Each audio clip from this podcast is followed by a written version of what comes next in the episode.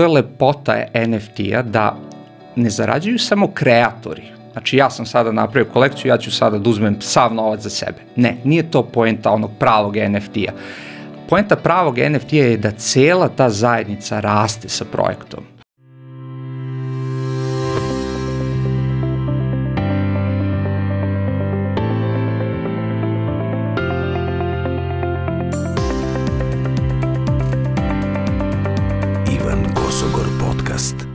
Napravili ste prvu Web3 platformu i sad kad si mi rekao da ste napravili to i kao Web3, prvo ćemo da objasnimo šta je to, ali ovaj, razmišljao sam pre možda dve godine, na primjer, kao čoveče, kad se pojavio internet, pa ko je taj bio prvi što je napravio sajt, on je sigurno napravio i ozbiljnu, uh, ono, ozbiljna finansijska sredstva, ali sa druge strane nekako je prokrčio taj put. Pa onda kao ko je na društvenim mrežama, uh, ko ih je prepoznao da će da budu jaka stvar od YouTube-a pa sve do Facebooka, Instagrama i TikToka, svi ti početnici, ono, pioniri nekih mreža su napravili ozbiljan iskorak i kao ja ću sledeći da prepoznam nešto. Međutim, jer Web3 je ozbiljna priča već danas, a ja još uvijek ništa nisam uradio.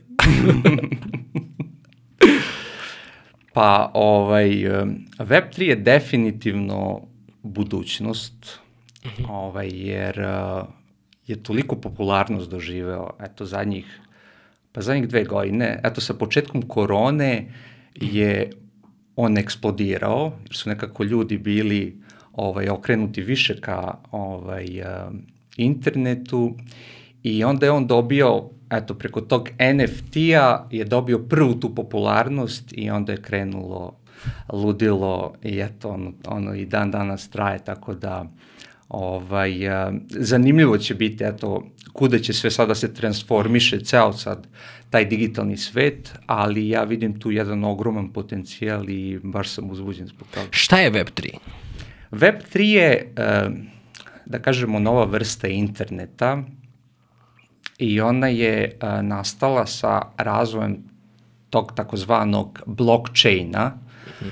ovaj, uh, ima tu dosta tih tehničkih termina, ljudima jako teško da razumeju sve to, jer sad kao šta je taj blockchain, šta je Web3, ima toliko toga ovaj, nejasnog u svemu tome, kriptovalute, onda a, kriptonovčanici, svašta nešto, ali to je u principu nova tehnologija koja nam sada omogućava da po prvi put Znači, sve neke naše digitalne fajlove koje smo kreirali, koje imamo na računaru, možemo da registrujemo kao naše vlasništvo i uh, u tom trenutku kada mi to registrujemo, ta automatski postane taj neki NFT i mi možemo na neki način da ovaj monetizujemo, da kažemo, sve to. Znači, to je neki nov oblik uh, socijalne monetizacije, ako tako mogu da se ovaj, iz, izrazim na, na internetu. Eto.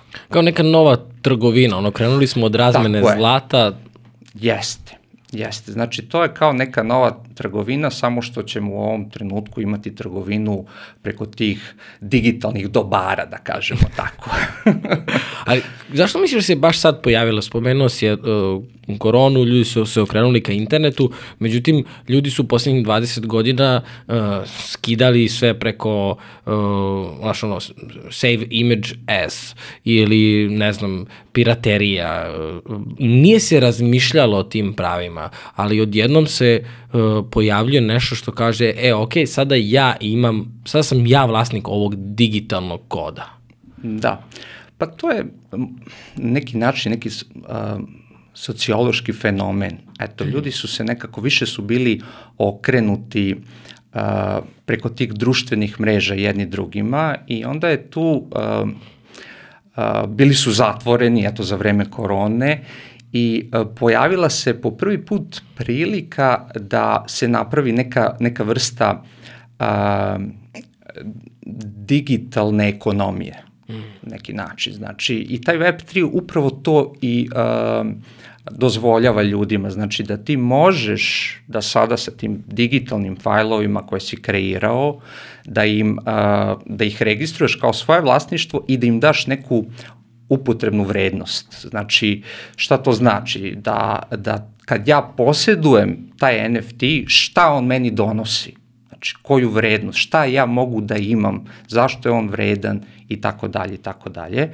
I ljudi su, ovaj, tu se sada na neki način napravila ovaj, pre svega fama zbog tih ogromnih cena mm. NFT-eva i to je na neki način a, ljude mnogo brže uvuklo u, ca, u ceo taj svet. Znači, to, to je a, inicijalnu tu komercijalizaciju te tehnologije omogućilo, Znači da su ljudi, aha, šta je to, neka sličica se tamo prodaje za milione.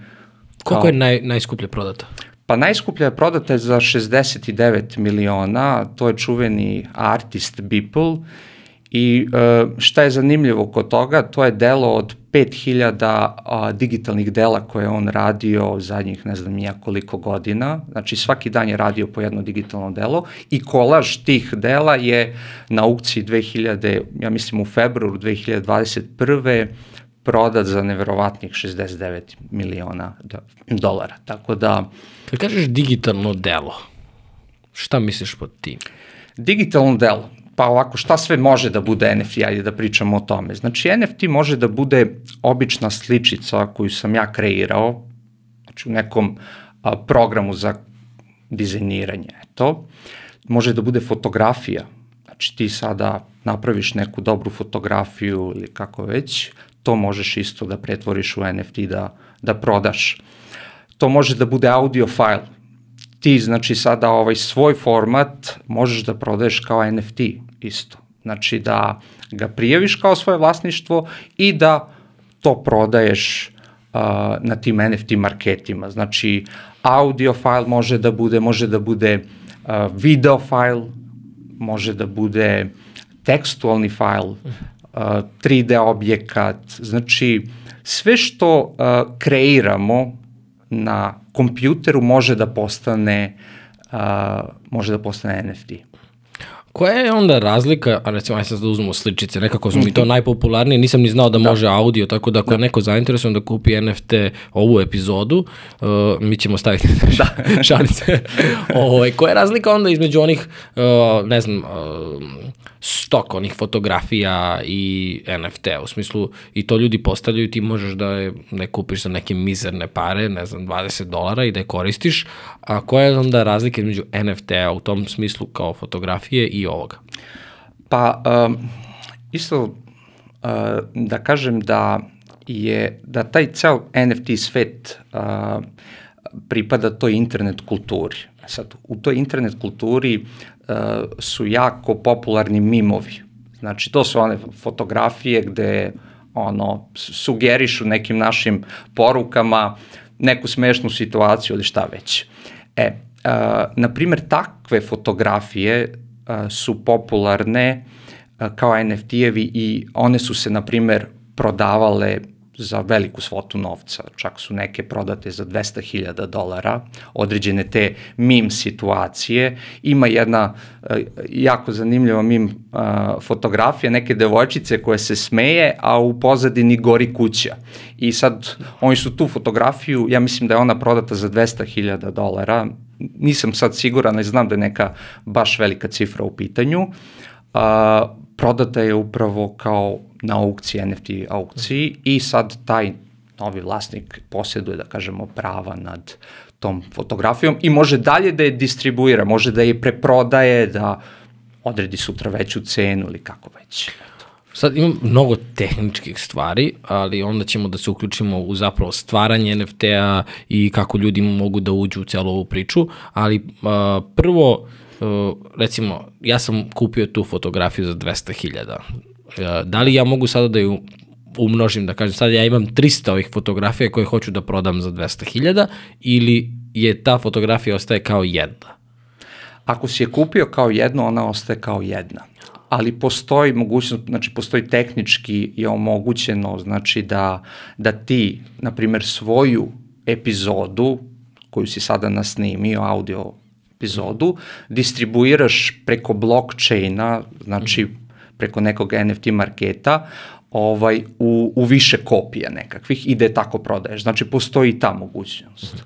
Šta su ti NFT marketi? To si spomenuo nekoliko NFT puta. marketi su znači sajtovi specijalizovani za trgovinu NFT-evima. Znači na njima možeš da kupiš NFT, možeš da ga kreiraš, znači da prijaviš, znači uzmeš bilo koji digitalni fajl, svoj na primjer neki kreirao si neku sličicu i možeš na tom NFT marketu da je pretvoriš u NFT i da je onda a, oglasiš, znači da joj daš cenu i da je prodaješ.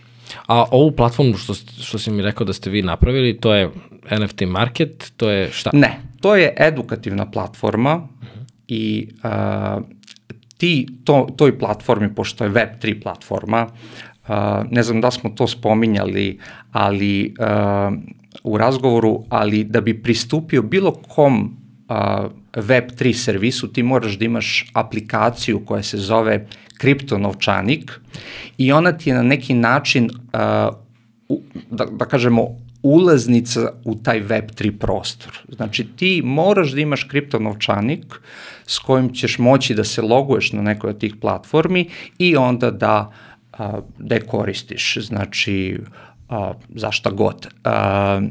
Konkretno ova naša platforma, Universe platforma, je upravo je upravo napravljena tako da ako si ti kupio naš NFT, Universe NFT, uh, i on ti stoji u tvom kriptonovčaniku, kada se loguješ na našu platformu, platforma proverava da li ti imaš tog, taj NFT u svom novčaniku i automatski ti otključava kurseve koje smo mi snimili o NFT-u i ti možeš automatski da gledaš te kurseve.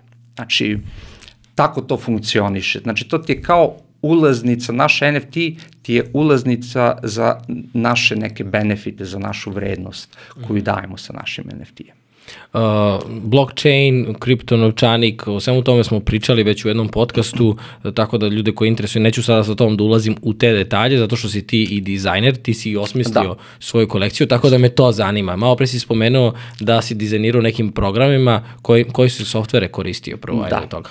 Pa koristio sam, za crtanje cele kolekcije sam koristio vektorski softver, Adobe Illustrator, znači sve ove medvediće sam u njima crtao, znači bukvalno sve te delove, ekspresije lica, oči, usta, tela, garderobu, sam radio u tom softveru, a onda sam u Photoshopu ih ovaj, eksportovao sve te lejere. I kasnije postoji program, softverski program, koji nasumično spaja sve te delove i formira već ove medice. Znači, sve se to radi kompjuterski. Znači, nasumično uh, se slaže svaki od tih likova, ja ih uopšte ne slažem, ja znači samo dizajniram, da kažemo, te delove i onda ih program lepi, spaja ih i od toga pravi te sličice koje kasnije postaju NFT-evi. I koliko kombinacija imaš?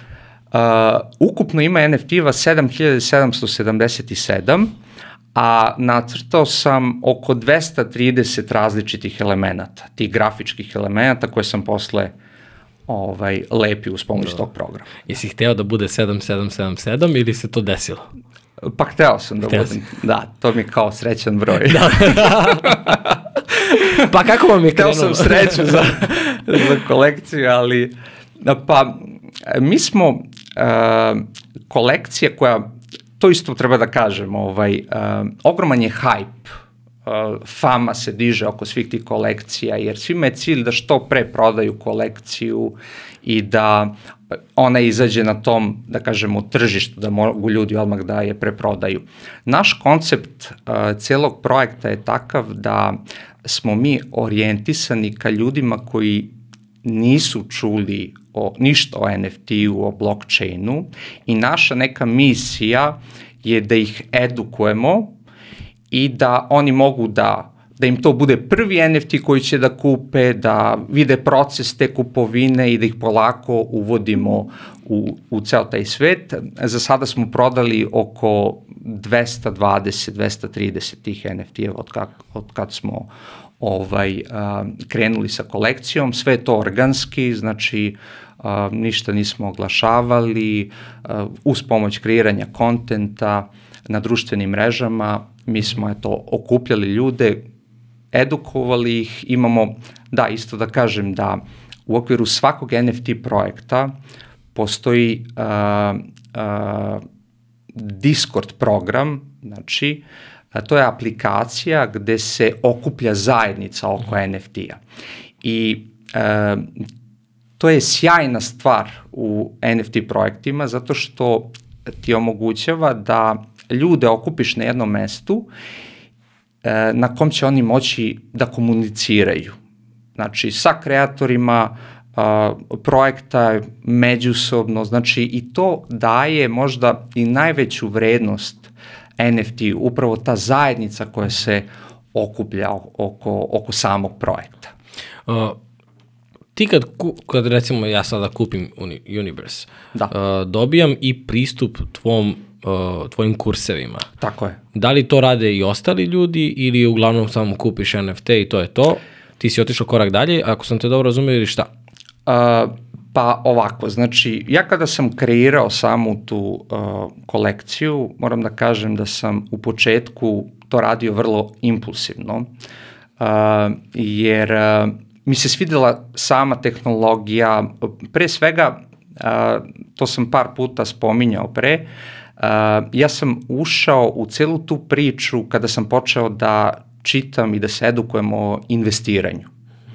I čitao sam knjigu od Tonija Robinsa koja se zove Nepokolebljivi, gde on priča kako treba investirati, uh, ovaj, uh, šta se tu radi, kup, kupo, kupovina akcija, nekretnina, svašta nešto. I ja kao jedan dizajner i programer nisam znao ništa o tome. Mislim, kako ja da se bavim sad nekim investiranjem, tamo kad niti znam kako se investira, kako se trguje tim akcijama, niti znam kako se gradi ta kuća, renovira da bi mogao da u to investiram.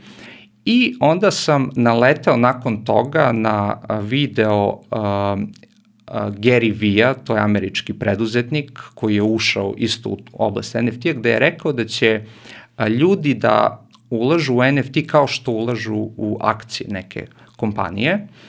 I meni se to uh, jako svidelo i ja sam onda kao počeo da učim o tome i krenuo da kreiram tu kolekciju, ali vrlo impulsivno. Niti sam ja na početku postavio neke vrednosti projekta, niti sam znao šta će to sada bude, mislim. Ugledao sam se više na te druge projekte i onda kao, ajde, ja ću da probam isto to.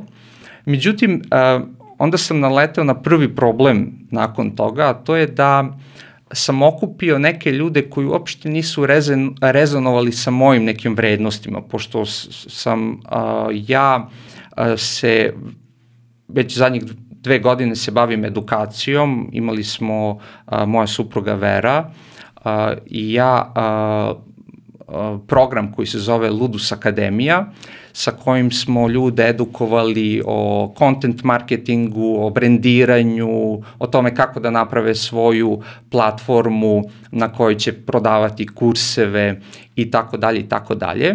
I onda sam ja shvatio, čoveče, pa ja sam u ovome dobar, želim da to budu vrednosti Universe projekta i tako sam krenuo eto, u samu tu edukaciju, gde sada svoje neko iskustvo koje a, prolazim sa tim NFT projektom, a, a, bukvalno a, gledam da prenesem ljudima koje, koje okupljam kroz za, edukaciju. Za one koji, koji ne znaju vašu priču, uh, Vera i ti ste suosnivači, osnivači ovaj, i Ludus agencije marketinške, Jeste. dugo ste na tržištu, radili ste ozbiljne projekte, Vera je bila dva puta, dva puta kod nas, da.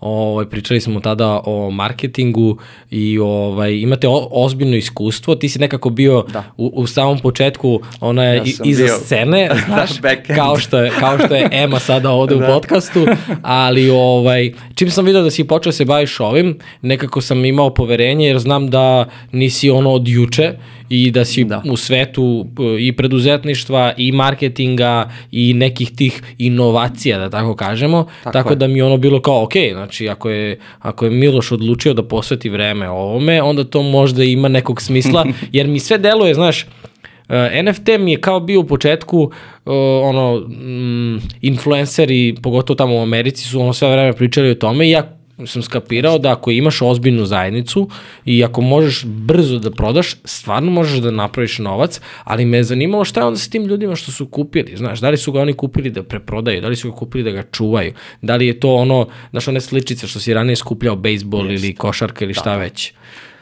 A, pa, ima dve vrste ljudi, znači koje ulaze u, u samu tu, da kažemo, tehnologiju. To su ljudi koji, eto, ono, pre svega hoće da zarade brzo novac i to br, ta brza trgovina tim NFT-ovima se zove flip, to je naziv, da kažemo, neki za, uh, za te ljude i najveća većina ljudi ulazi upravo zbog toga, a ima postoji ljudi e, koji žele da investiraju istinski dugoročno u projekat i njih je manje, ali su oni mnogo lojalni na neki način samom projektu, vežu se za projekat i onda hoće da ga ono do kraja podržavaju u tom razvojnom putu. Šta znači vezati se za brand, odnosno za taj projekat?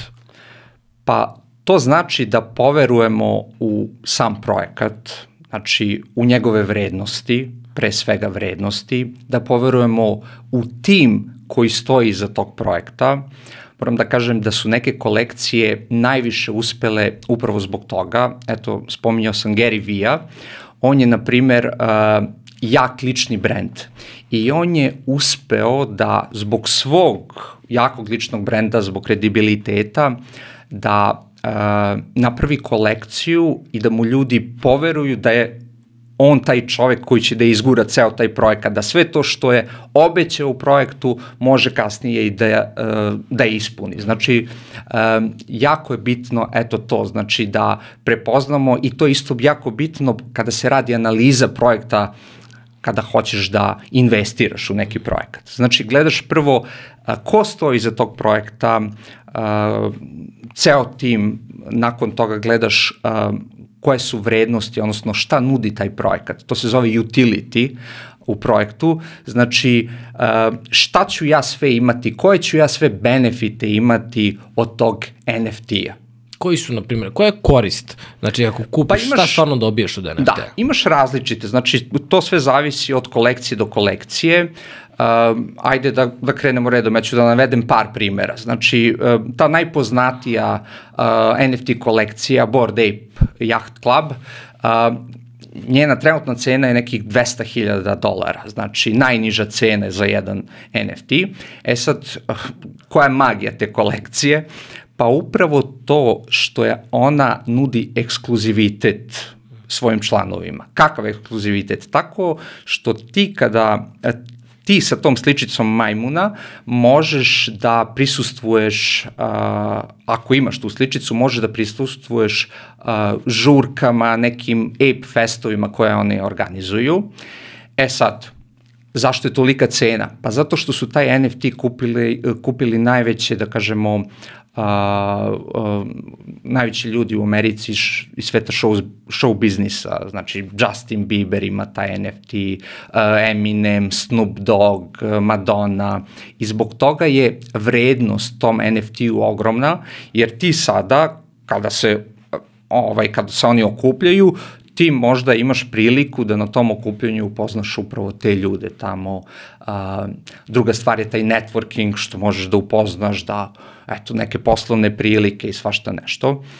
A, S druge strane imaš projekte, na primer, uh, pošto je moj ceo projekat na Solana mreži, uh, tamo postoje projekti koji ti nude tokenomiju. Šta znači tokenomija? To znači da ti ako posjeduješ taj NFT, uh, on ti daje mogućnost uh, pasivne zarade.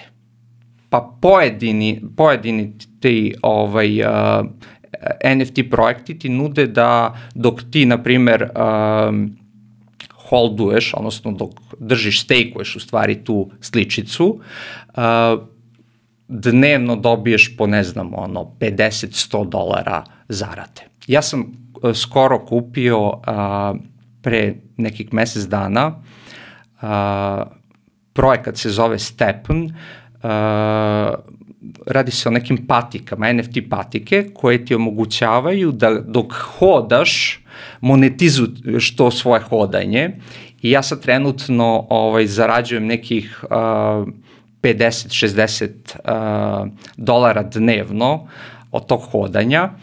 E sad... Zato si me pitao da hodamo i snimamo podcast. Kao šta Da, to, pričaš? Da zaradimo neke pare. Da.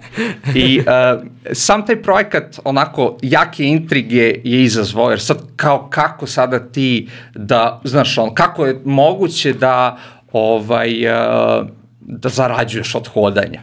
Međutim, um, iza projekta se nalaze uh, on, bukvalno jako kredibilni ljudi, na primjer jedan od, da kažemo, uh, članova tima je potpredsednik Adidasa i uh, oni su napravili, znači, tu ekonomiju, znači, ti da bi mogao da ostvaruješ te profite, ti moraš prvo da kupiš taj NFT njihov.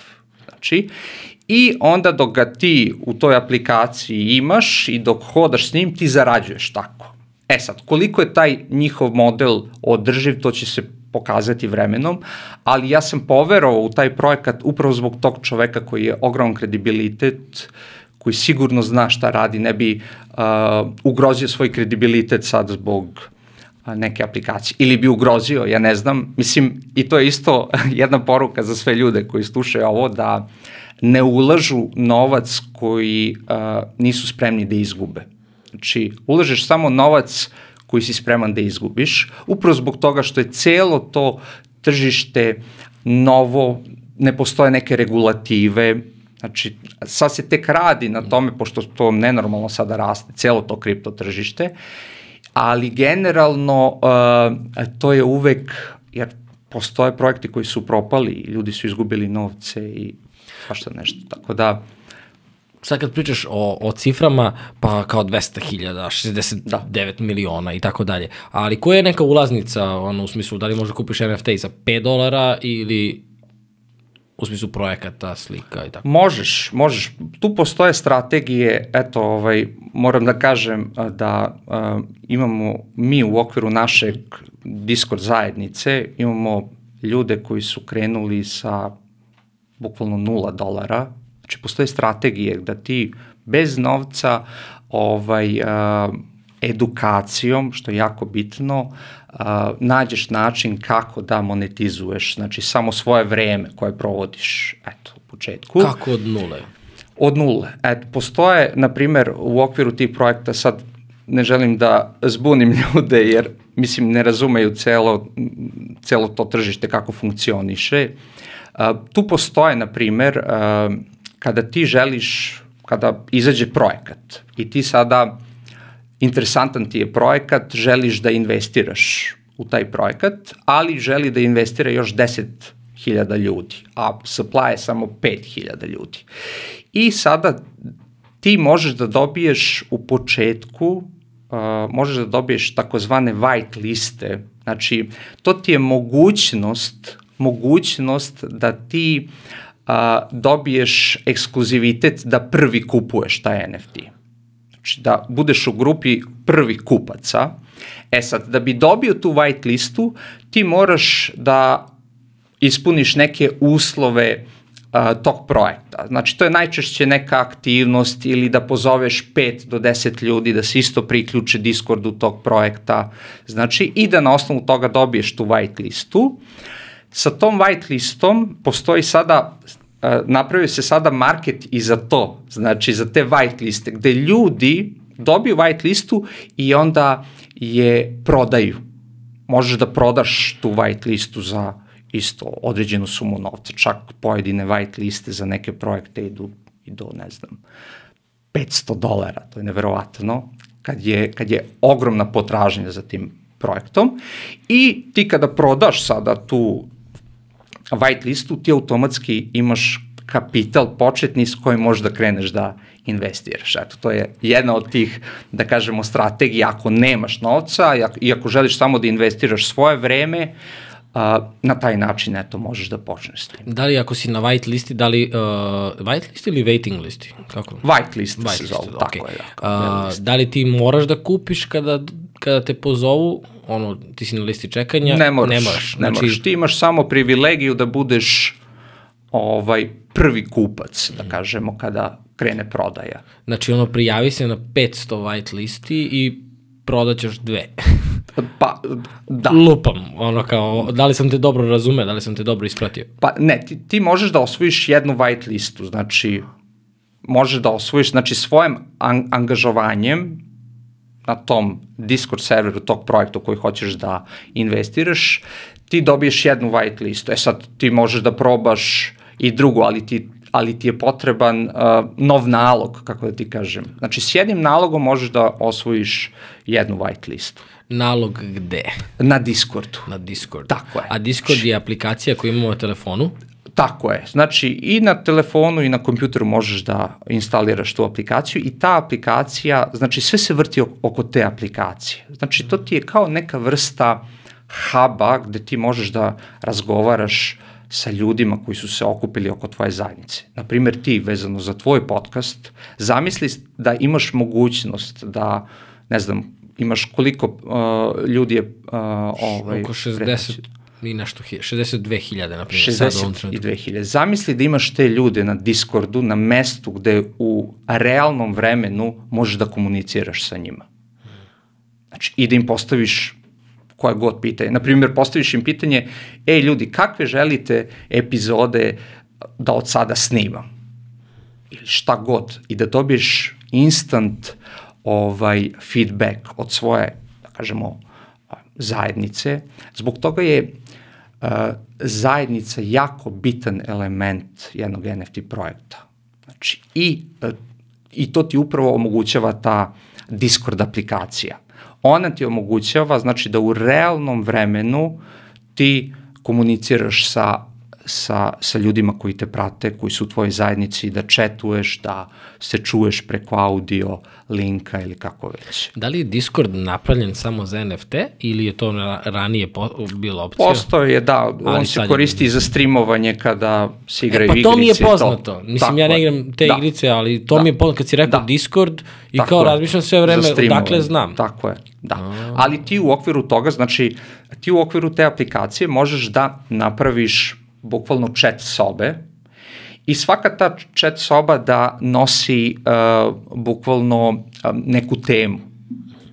Naprimer, mi na našem Discordu imamo temu gde je ono kao uh, glavni chat gde mogu raz, o raznim temama da priča. Pa onda imamo NFT edukaciju, u toj sobi pričamo samo ovaj, o NFT-u. Pa imamo kripto, tu pričamo o kriptu. Pa imamo uh, sobu gde, to jest kanal, o preduzetništvu, gde svako ko je došao tu može da, da se predstavi, da kaže čime se bavi, uh, imamo sobu gde, ovaj, gde ti možeš ono, bukvalno da, ukoliko ti je potreban za neki projekat, dizajner ili programer, da oglasiš uh, tu potrebu i, tako dalje i tako dalje. To je da li su to javne sobe ili recimo ne znam ako sam ja uh, kupio neki NFT onda ću da dođem tu kod vas ili ti možeš ti možeš da pristupiš ti ne moraš da da kupiš taj NFT naš na primer Discord je otvoren za sve ljude znači uh, svako može da pristupi njemu i da tamo komunicira. E sad, mi u okviru tog Discorda možemo da uh, imamo neke specijalne sobe, specijalne te kanale samo za holdere, odnosno za vlasnike naših NFT-eva i mi u okviru tih posebnih onda dajemo neku još dodatnu vrednost, razvili smo neke uh, alate, botove koje omogućavaju ljudima da, ne znam, koji trguju NFT-evima, da prate cene, da prate, uh, da kažemo, te popularne projekte i tako dalje i tako dalje.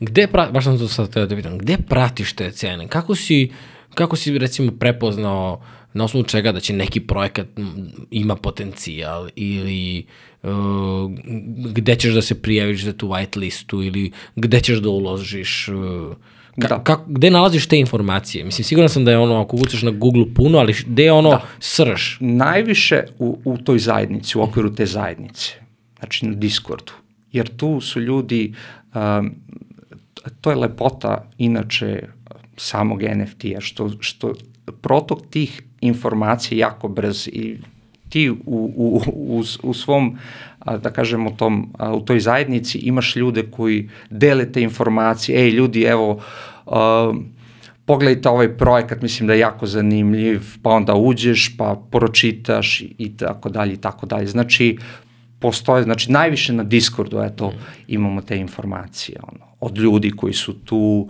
a, ti možda pristupiš Discordu a, drugih NFT projek, projekata i možeš tu opet da saznaš nove neke informacije i tako dalje tako dalje. Uh, kako, kako napraviti svoju kolekciju? U smislu, ovo sad što, što čujemo tebe, m, imaš dva puta. Ili ćeš da budeš kreator kolekcije ili ćeš da kupuješ Tako druge je. kolekcije. Ili Tako ćeš je. oba. A, u tom slučaju. A kako, kako napraviti kolekciju? Zašto baš kolekciju? Zašto ne jedan NFT? Kako odlučuješ koliko će brojeva tih NFT-a da bude, ono, u smislu količine? Da, da, da. Pa ja kada sam, eto, pravio tu kolekciju, rekao sam, ja sam dosta to impulsivno radio i kasnije kako sam učio, uh, tako sam se, da kažemo, i, i prilagođavao sam ceo projekat uh, tom nekom, da kažemo, uh, jer uh, da spomenem samo da je NFT jako brza stvar, sve se jako brzo menja. Znači, bukvalno nedelju dana u NFT svetu je kao dva meseca u, ne znam, ono, običnom svetu. Ili 150 godina u zlatu. Bukvalno, da. Tako da sve se jako brzo menja i ti moraš da se prilagođavaš, moraš i svoj projekat da prilagođavaš tome. Kada se odlučiš da praviš svoj projekat, treba pre svega da kreneš od toga šta je tvoj cilj sa, sa tom kolekcijom, šta ti želiš sa njom da napraviš, da li želiš da ovaj, uh, zaradiš brzo novac ili želiš da pomogneš i drugim ljudima pa da zajedno rastete ili da prodaš neku svoju uslugu. Znači, jako je bitno da odrediš cilj i da odrediš vrednosti svog projekta. Kakve ti ljude želiš da sada okupiš, oko kojih vrednosti? Naprimjer, vrednosti našeg Universe projekta su edukacija, podrška, empatija, znači mi smo se okrenuli tim vrednostima i gledamo da naš projekat gradimo oko toga. E sad, ima tu raznih, ovaj, da kažemo, projekata, ovaj, ljudi ono bukvalno u skladu, najbolje je da gradiš projekat u skladu sa svojom nekom ekspertizom. Eto, to je najbitnije za projekat. E sad, što se tiče toga koliko tu treba da ima NFT-eva, to treba da se ipak proceni na osnovu neke, da kažemo, potražnje za tim NFT-evima. Ja u ovom trenutku ovaj, znam kolekcije koje imaju i po 20.000 NFT-eva, a neki imaju i 777 NFT-eva, tako da... Voliš tu sedmicu, da, da, da, stalno je spominjem. Tako da, nema tu pravila, ali eto, ono, e, najbolje da se i ta količina odredi na osnovu potražnje. Jer ti pre nego što, kažemo, kreiraš sam NFT projekat, ti treba da počneš, uh, prva stvar bi bila da prvo otvoriš društvene mreže, sajt, da objasniš svoj projekat, šta ti želiš, mislim, koji su benefiti tvog projekta, pa na osnovu te neke potražnje koju bi video, onda formiraš i broj tih NFT-a. Sad ću onako laički da samo napravim neku paralelu, ti me ispravi ili a, podrži, ako si pravi drug, šajse. o, ovaj, a, Da li to znači da je sada NFT u, recimo vašem slučaju, umesto ne znam da daješ neku um, besplatnu knjigu ili neki kao poziv na akciju, ti si zapravo rekao ok, investirajte u NFT, na, možete da ga preprodate, možete dugoročno da, uh, ne znam, možda i zaradite neku veću količinu novca, ali u svakom slučaju uz naš NFT mi ćemo vam obezbediti i edukaciju. Znači neko obezbeđuje te ulaznice. Nisam recimo nikada razmišljao o tome, zajedno sa Justinom Bieberom zašto si kupio taj NFT, da. ono bukvalno kao član golf kluba ranije, znaš, ovo sad Jeste, samo digitalno, tako je, tako a vi ste u, u, otišli u onom vašem pravcu gde su, gde su edukacije, gde ste vi prepoznatljivi zapravo na, na Balkanu i samo ste iskoristili NFT i povezali vaš brend. Sam tako ti ja je, dobro ispratio. Tako je, upravo to, upravo to, jer ja, ja uh, dajem svoju eksp, neku ekspertizu ono u čemu imam iskustvo, ono što sam prošao i to je ono što, što je, da kažemo, benefit mog projekta. Ne mogu da verujem da pričamo o ovim stvarima kao, znaš, ono, da mislim smo se pre pet godina sreli i kao, e, znaš, kao slika na internetu će da, da vredi 69 da. miliona. Ne znam koliko vredi Mona Lisa, da li se ona, da li je neprocenjiva, ali, brate, 69 da. miliona. Pa da, mislim, ja mislim da je to malo i marketinški Sigurno, napravljeno da bi mora. privuklo ljude generalno ka samoj toj tehnologiji. Iako ja moram da kažem da ja u toj tehnologiji vidim ogroman potencijal, ogroman potencijal, ovaj, upravo zbog tih zajednica, tih plemena, jer ovaj, zašto se ljudi okupljaju? Pa okupljaju se zbog dva razloga, zbog vrednosti i zbog zajedničkog interesa. I to je lepota NFT-a da ne zarađuju samo kreatori, Znači ja sam sada napravio kolekciju, ja ću sada da uzmem sav novac za sebe. Ne, nije to poenta onog pravog NFT-a. Poenta pravog NFT-a je da cela ta zajednica raste sa projektom. Znači da svi mi, da i ti koji si kupio moj NFT imaš benefite od toga, da li finansijske ili edukativne ili šta god to drugo bilo, ali ti moraš da isto imaš benefit. Znači, to je to. Uh, zbog toga kažem da uh, to mi se sviđa jer smo, uh, Vera i ja, kad smo krenuli sa našom Ludus Akademijom, ja, ja njoj stalno kažem, mi smo bili Web 2 NFT projekat sa Ludus Akademijom, ovaj, to služenje zajednici, znači davanje vrednosti, to ima ogroman impakt. Znači, pomažeš ljudima, a onda ti se to i vrati. Znači, eto, mi smo prodali te naše Ludus Akademije, ono, bukvalno preko 600 smo ih prodali za, za godinu dana, uh, upravo, upravo zbog, zbog toga, znači zbog velikog tog, uh, zbog velike vrednosti tog kontenta koji smo dali eto ljudima uh, besplatno. Da, da, vi ste zapravo i prokrčili taj ovaj put e, gde se mislim skoro sam baš pričao uh, o, o vama i o tome kako ste uh, napravili ovde kod nas, e, promenili ste Instagram u smislu da su ljudi, sad sam, ono, mogu da prepoznam koji je profil bio kod vas, jer mu u opisu piše pomažem ljudima da to i to, jasno definisan ono poverenim definicijama, i znaš, stvarno ste Instagram preokrenuli, to je bio bum, gde ste, a šta ste uradili? Samo ste umesto reklamiranja vas kako ste super sjajni i ovo, dali vrednost. Pa da, upravo to, jer to, to jeste poenta, da, znači da daješ neku vrstu, jer uh, u tome pokazuješ svoj kredibilitet i mislim da je to potpuno ovaj, sjajna stvar, znači da neko, uh, ti ne moraš da kupiš naš produkt uopšte, znači ti bukvalno uh, ja i Vera stalno to pričamo, sad kad bi neko prošao kroz verine sve ovaj postove, on bi mogao dosta toga da nauči da uopšte ne kupi ništa od, od nas. I, I to je sjajna stvar, sjajna stvar što, uh, što eto, uh, kroz to deljenje ti praviš i na neki način deljenje te vrednosti, znanja i svega ostalog, praviš tu jaku zajednicu. Eto.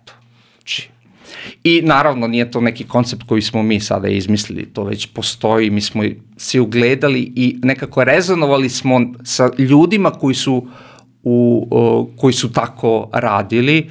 Uh, Chris Do je bio osoba na koju smo se ugledali, pa i taj Gary V, uh, tako da to nas je i postaklo da krenemo u to i to smo na neki način i osetili i eto, ja sam sada nastavio to neki način da radim kroz uh, NFT.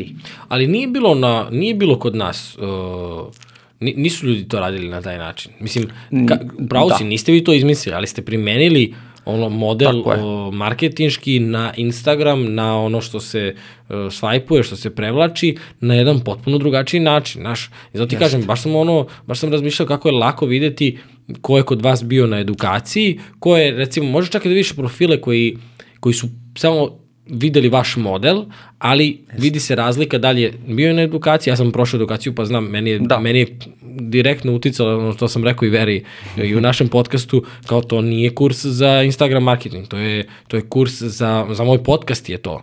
Znaš, ono, za izbor tema, za Jeste. kako to da predstaviš, kako da raščlaniš teme na... Mo, moja pitanja sam nekad, nekad dobio upravo taj model koji ste vi radili Pa za jeste. Instagram. Tako je. Pa to je to, to je to praktično znanje, znači primenjivo znanje.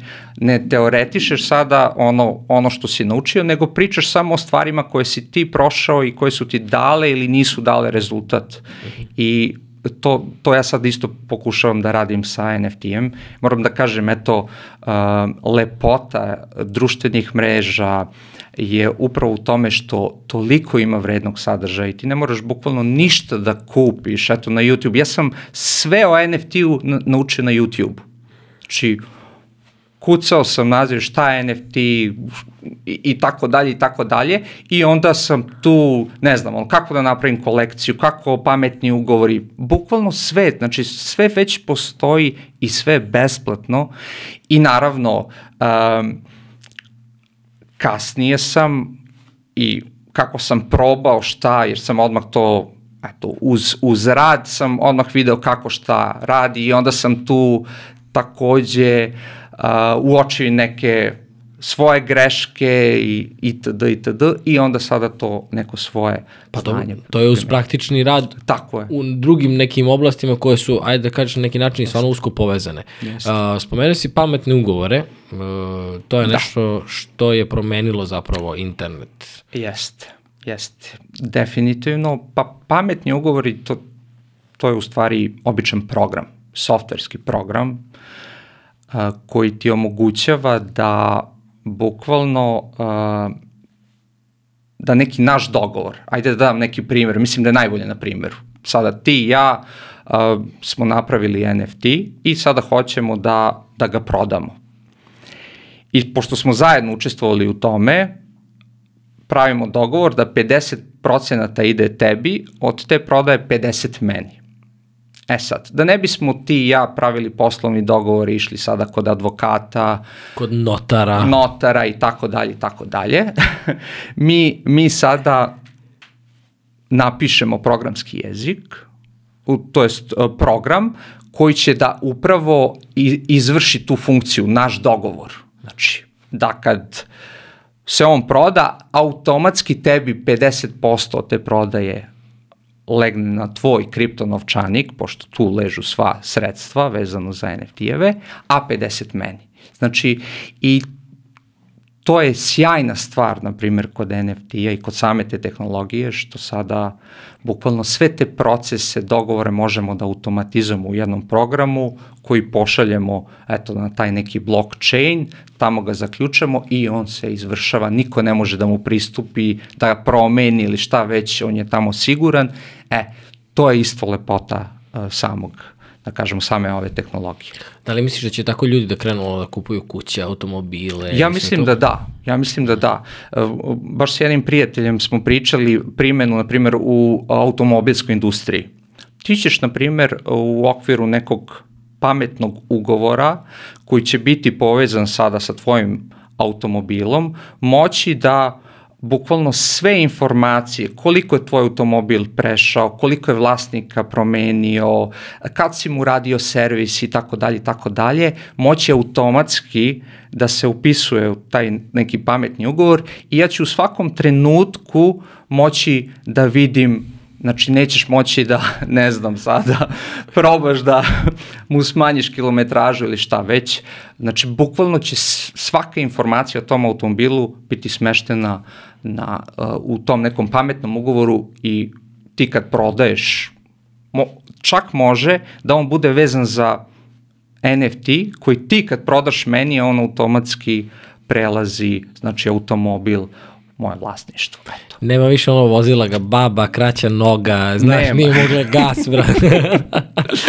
znači, Ništa toga. ono već vidim Da. naslov 2025 u Srbiji, opala prodaja polovnih automobila. To je Prestali da uvoze, znaš, iz Belgije prvi Jest. vlasnik naš. Radio u Nemačkoj nije ni bio kod kuće, znaš.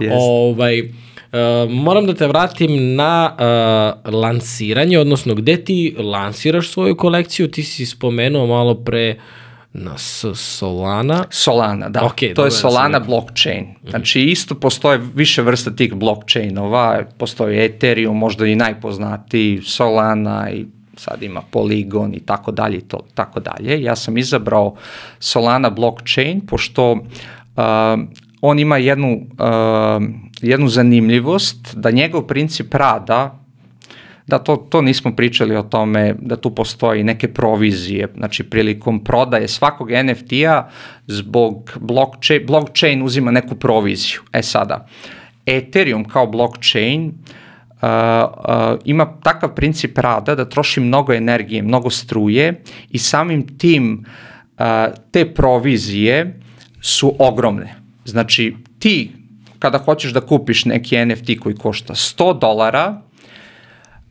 platiš proviziju još 100 dolara. Znači, zbog te transakcije.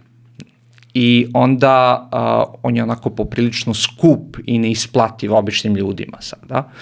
Dok Solana blockchain ima potpuno drugačiji princip rada, kod njega su uh, te provizije mnogo niže, znači bukvalno 2 centa su... Za isti NFT koji bi kupio Za isti NFT. Znači potpuno isti.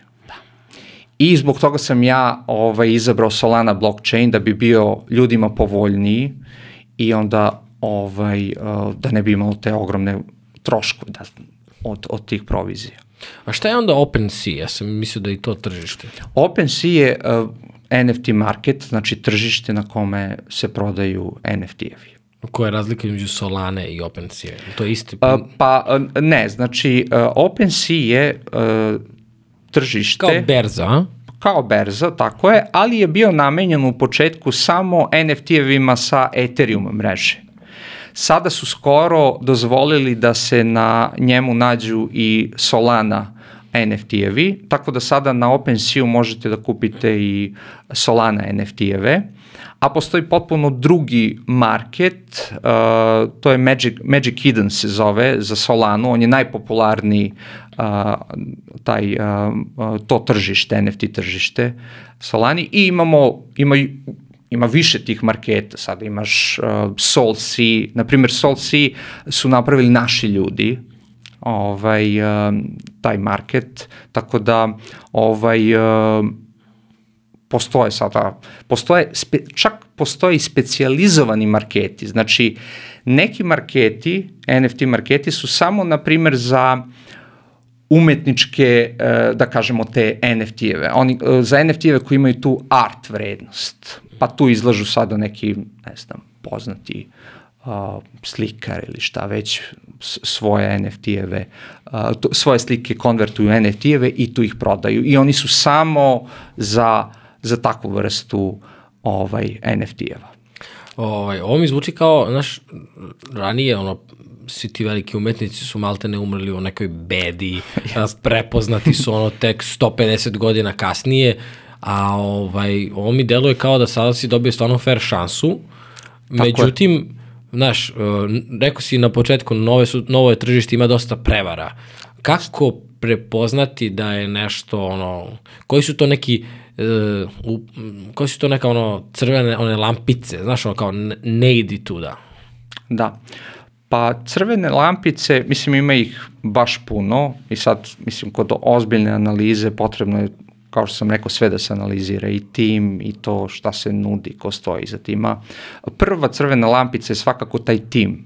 Znači, postoje timovi koji su skriveni, znači ne otkrivaju svoj identitet, ne znam se ko stoji za tih projekata i to je uvek, da kažemo, neka vrsta crvene lampice. Znači, najbolje je investirati u uh, tim uh, koji je sastavljen od ljudi koji su kredibilni u toj određenoj oblasti ili kako već. E sad, postoje tu i, i druge lampice, znači, ne znam, ono, potpuno kopija uh, tog roadmapa, odnosno tih benefita, pošto postoje ti generički, da kažemo, roadmap, roadmapovi, znači ti sada ono, hoćeš, lupam, da napraviš projekat isti kao što sam ja napravio. Znači, to je, to je isto... Da li bi se ti naljutio? Pa ne bih možda prošao. Onda ostavi taj projekat. Kao. Kaži mi koji su, izvini sad te prekidam, ali spomenuo si jednu super stvar.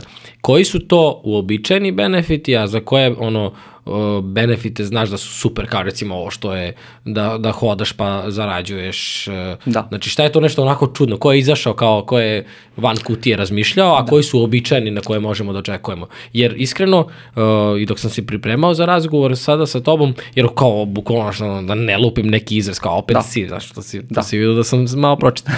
Ali ovaj, nisam razmišljao o tome da daje neke benefite. Iskreno, meni je to delovalo, uh, kupiš da bi preprodao. Znaš, sada mi ti pričaš o potpuno nekom drugom uh, stvaranju zajednice, nekog, nekog novog Patreona koji, koji ti daje neke ovaj, uh, te benefite, tako da, ajde, koji su običajni, a koji su neki ono ultra zanimljivi, da ti znaš. Pa evo, ovaj, reći ću ti u ove koje sam ja poverovao i u koje sam neki način investirao. Ovaj, eto, jedan su te patike, a onda sam uh, investirao u projekat uh, gde ljudi koji, uh, koji su, uh, ne znam koja je to industrija, to je za izdavanje ovih Airbnb stanova. Uh, to je hospitality, ali kako Da, da, nas, tražim reč, tražim reč. To je, nije trgovina, nije putovanje. Rentiranje, e, vezano za rentiranje Aha, okej. stanova. Iznajmljivanje da, iznajmljivanje stanova, da.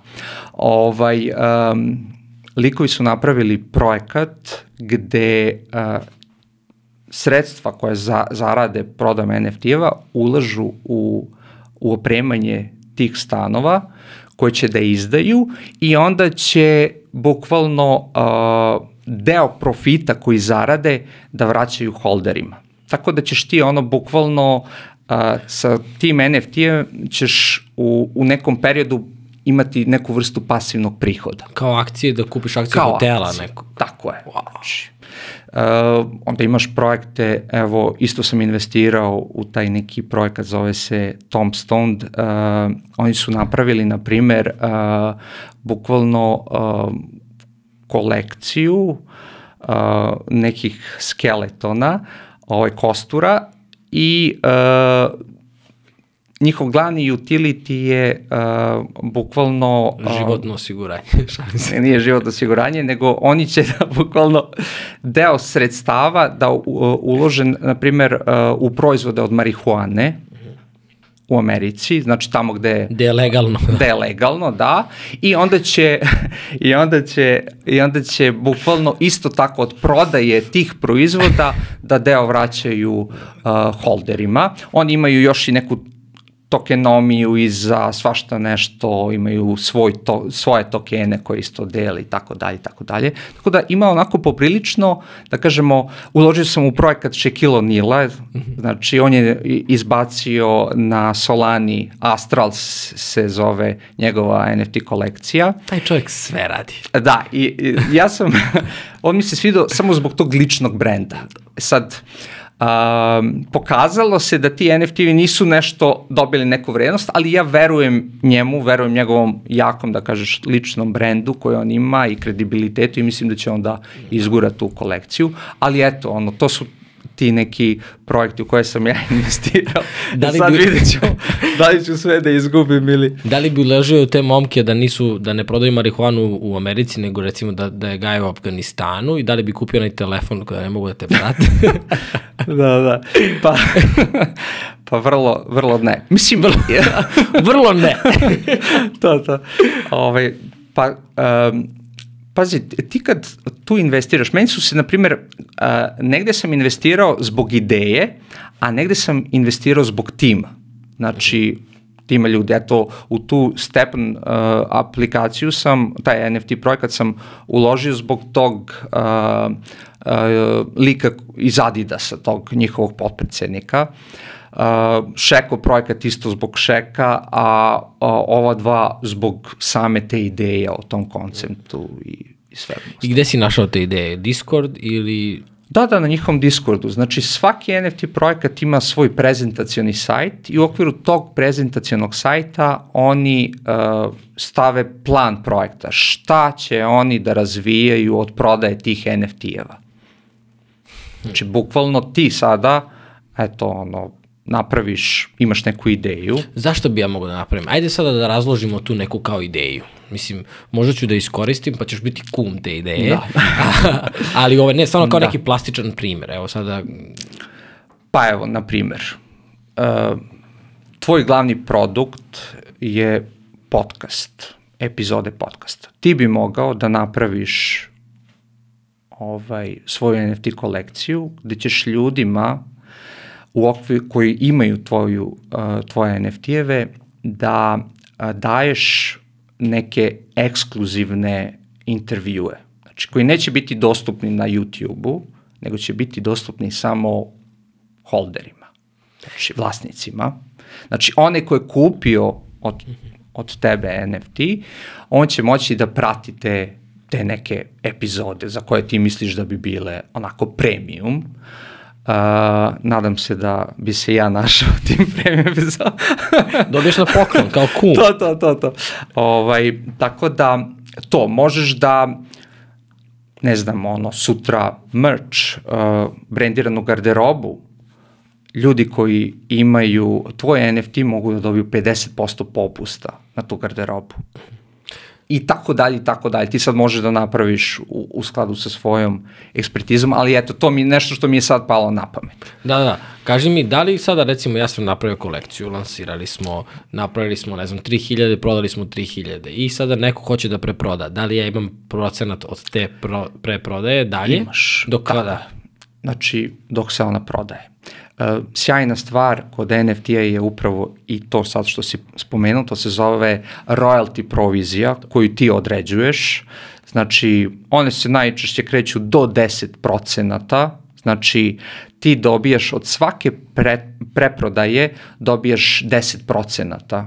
Znači, ako se ona prodala, ne znam, za 20.000 uh, dolara, koliko sada je tvoj procenat, 10% od, od toga je tvoje. Znači, i sve dok se preprodaju tvoji NFT-evi na tržištu, ti ćeš imati taj royalty.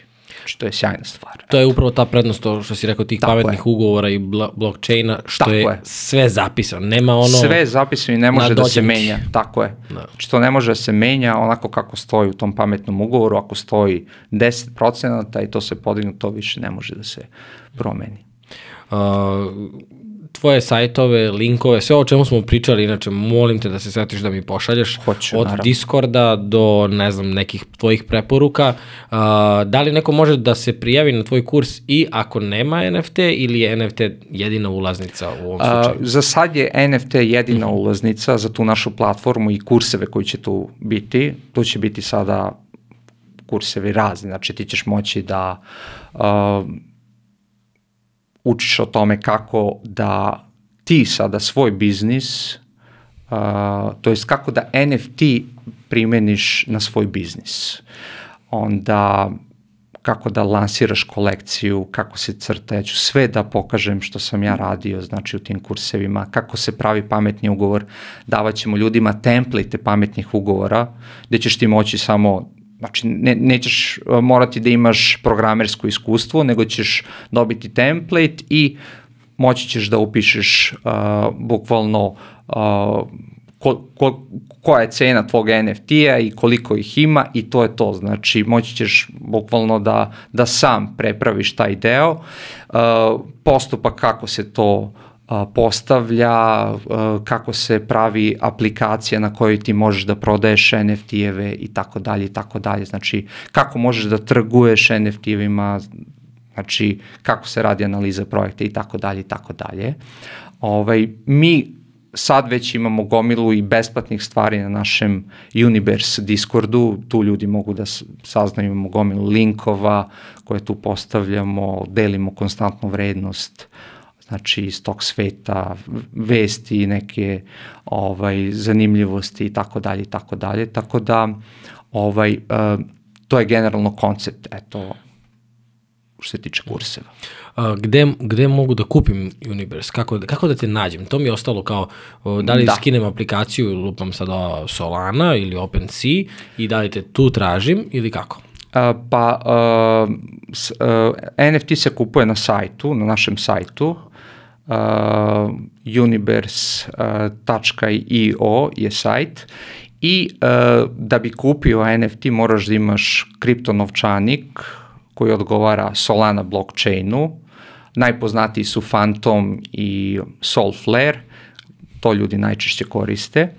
I onda nakon toga moraš da kupiš a, kriptovalute, Solana kriptovalutu, da bi mogao da kupiš NFT, pošto se svi NFT-evi prodaju tim kriptovalutama kako, kako svet ide u tom pravcu. Znaš, ono, po, mislim, za dve, tri godine kao šta će biti da. normalno, znaš? Da, Da. Mislim, ima nekog smisla, znaš, ovo definitivno kao je još uvek sve novo za nas Jeste. i ne, neke stvari nemaju smisla, neke stvari imaju smisla i olakšavaju, mislim kao, baš smo pričali to za kriptovalute, kao kad si ti mogao da kupiš nešto tom brzinom u nekom drugom kraju sveta, tako je, tako je. sa tom sigurnošću.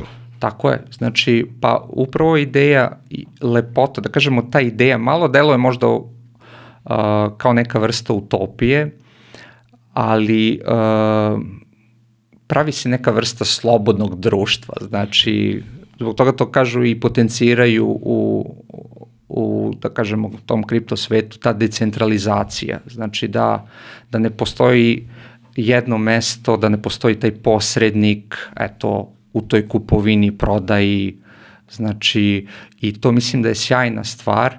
E sad vidjet ćemo tu potrebno je da se uvedu mnoge regulative da bi to tržište to dobilo neku vrstu stabilnosti. Pa naravno, mislim kao i za sve, ali znaš, da. moraš prvo da se opečeš da bi video gde e, da gasiš. Je. Da, da, znaš. da. Na, na sajtu kada odu mogu da se uh, da li treba da se prijave, naprave nalog ili samo upišu svoj kripto broj novčanika kako god, kod? Da, znači bukvalno je potrebno da se konektuju sa svojim kripto novčanikom i sa jednim klikom oni vrše kupovinu tog NFT-a. Znači, ono, proces kad... je potpuno, da. da kažemo, jednostavan. To je lepota toga. Da, isto da kažem to, um, to nismo možda ni ovaj, spominjali, um, identitet svake osobe je potpuno anoniman u tom kripto svetu, znači pošto je sve transparentno. Znači ti možeš, ja mogu sada da ako znam adresu tvog voleta, da vidim svaku transakciju koju si ti ostvario, šta si kupovao i tako dalje i da bi se zaštitila, da kažemo, privatnost, a ti nikad prilikom instalacije kriptonovčanika ne ostavljaš lične podatke, ime, prezime, ne znam, godište i tako dalje, e-mail, ništa, znači dobiješ samo um, neku skrivenu frazu koja ti je, da kažemo, bezbednostna, s kojom možeš ovaj, da se loguješ i to je to, i dobiješ adresu tog novčanika i potpuno si anoniman u, u tom svetu, da kažem. Zanimljivo. Da. Znaš, ja kao ono totalni neki like još uvek, ali kao sve više želim da, da pričam o tome, zato što da. mene lično zanima Znaš, ne želim da propustim, kao što sam ti rekao, taj web 1, aj tu sam bio mlad, da. web 2 nisam iskoristio, a naš web 3 je prilika, mada web 4 da. ću sigurno. ovaj, hvala ti puno što, što si uh, ispričao sve ovo. Uh, znam da ti je bilo malo teško, s obzirom da si... Jest, vatreno krštenje. Da, ovo prvi, prvi podcast. ovaj, ali znam da je, znaš, navikao si da radiš i da, Jeste. da si nekako iza scene i ovaj, sad izlazak sa svim ovim i kad sam vidio da Jeste. se baviš, ono, odmah sam ti poslao poruku, čak Jeste. sam ti persirao upravo, iako smo drugari, čisto da, da bude zvanično. to, to, da bude... ovaj, ali ne, stvarno, uh, svaka ti čast i, ovaj, i baš mi je drago da si kod, kod mene eto bio tako da, da ti je ovo prvi put, nadam se da ti je bilo prijatno. Jeste, puno ti hvala ovaj, što si me pozvao i što smo eto imali imali priliku nadam se da približimo malo ovu popularnu temu ljudima. Jo, još mi hvali, još mi hvali. Ajde, to ću posle. Idemo sad, hoću da instaliram da. sve ove aplikacije i da napravim da. taj kripto uh, novčanik i da, da malo uh, investiramo u tom svetu. Nego šta, krećemo. Ljudi, čuli ste, imate sve linkove u opisu da li ovog videa ili na bilo kojoj podcast aplikaciji. Takođe, hvala vam puno uh, što nas pratite i podržavate putem jednokratnih PayPal donacija i Patreona i naravno najbolji način da nas podržite jeste da se prijavite na ovaj YouTube kanal ili na bilo kojoj podcast aplikaciji i da pričate ljudima o podcastima koje snimamo. Pričajte. Chao.